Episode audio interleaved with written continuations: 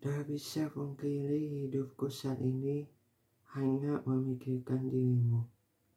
Apalagi jarak kita sudah terhalang oleh tempat di mana kita masih bisa ketemu. Sayang sekali tahun ini malah jarang ketemu. Bahkan bisa saja pertemuan aku sama kamu akan sama seperti ini. Tidak tahu lagi cara minta maaf pakai cara apa. Bila perlu seumur hidupku baru kali ini merasakan betapa menyakitkan kehilangan sosok sepertimu. Terkadang kehidupan seharusnya bisa selalu bersama sudah tak ada harapan kalaupun berjodoh denganmu pasti suatu hari nanti akan dipertemukan.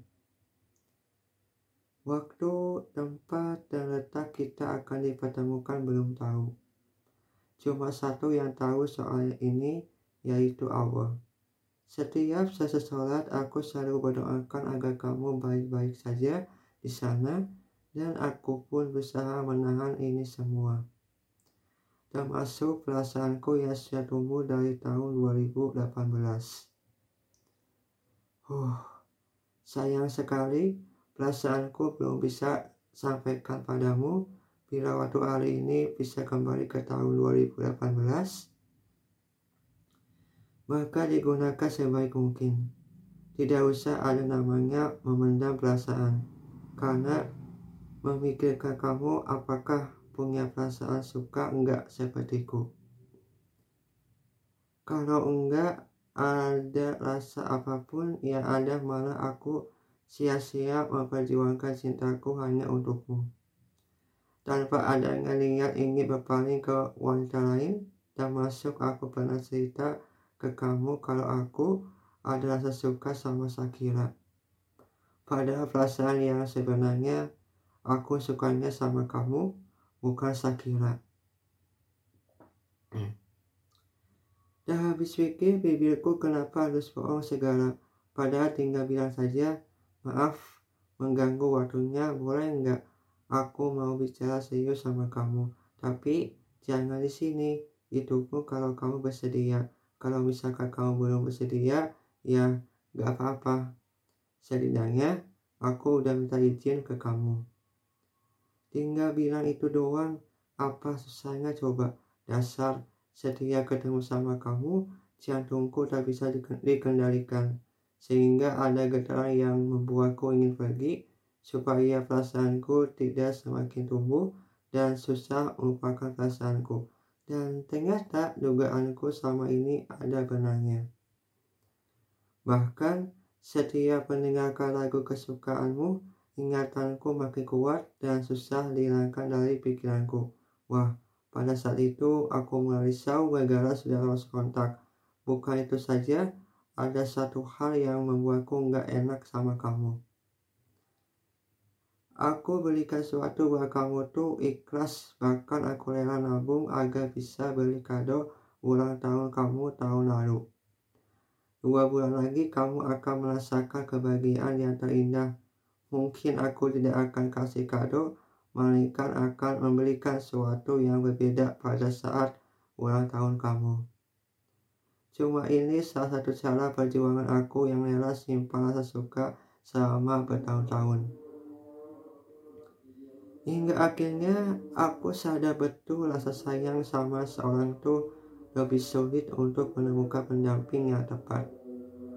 Bahkan aku pernah cerita ke kamu, aku tuh susah sekali jatuh cinta sama seorang wanita kalau udah menemukan yang cocok. Wah, jangan ditanya lagi karena aku bakal selalu bersamamu sampai kapan pun tanpa hentinya berikan perhatian dan kebahagiaan. Mungkin hal semacam ini cenderung enggak pernah kulakukan ketika pertama kali jatuh cinta sama seorang perempuan. Pada saat itu memang masih duduk di bangku SMP. Hubungan aku dengan dia hanya bertahan 4 tahun. Selebihnya berantem terus, puncaknya pada tahun 2017 yang lalu. Padahal niat aku baik kok entah kenapa dia selalu berpikiran negatif tentangku. Kalau aku punya salah sama dia, seharusnya bisa diselesaikan secara baik-baik. Aku pun akan menerima keputusan dari dia tanpa adanya sedikit menolak keputusan tersebut. Sebenarnya malas bahas mengenai dia. Lebih baik kita bahas soal perasaanku dan kunjung menyampaikan ke orangnya. Apalagi hampir satu tahun aku tidak pernah komunikasi sama kamu. Setiap hari pikiranku selalu ada wajahmu terlintas kalau terjadi sesuatu padanya, aku merasa khawatir aja. Kalau terjadi sesuatu bagaimana? Kalau sudah menghilangkan rasa kekhawatiran padanya. Tetap saja pikiran aku mengarah ke perempuan yang sangat aku cintai. Bila perlu menghapus dari pikiranku, kurasa bakal sia-sia deh. Karena wajahmu sudah tersimpan dalam ingatanku. Gak bisa menghapusnya apabila perasaanku belum tersampaikan padanya. Aku juga akan menerima keputusan darimu.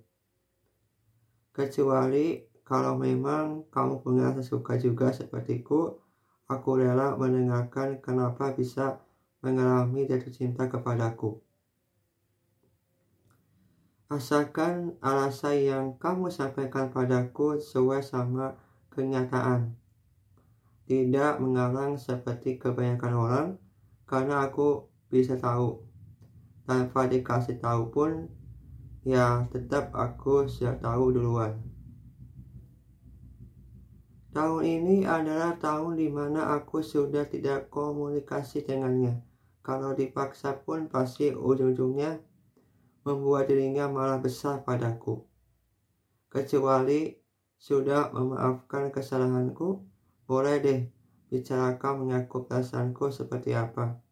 Jangan sampai semacam ini terulang seperti tahun 2018. Aku masih trauma keadaan yang bisa membuatku malas bertemu. Apalagi sudah janji, eh kenyataan malah sebaliknya. Makanya untuk sekarang lebih condong disimpan dalam hati. Alhamdulillah aku bisa menyimpan tanpa kasih tahu ke siapa pun meski akhirnya curhat sama temanku asal Padang. Ada keinginan untuk bisa soal ini dari awal sampai akhir.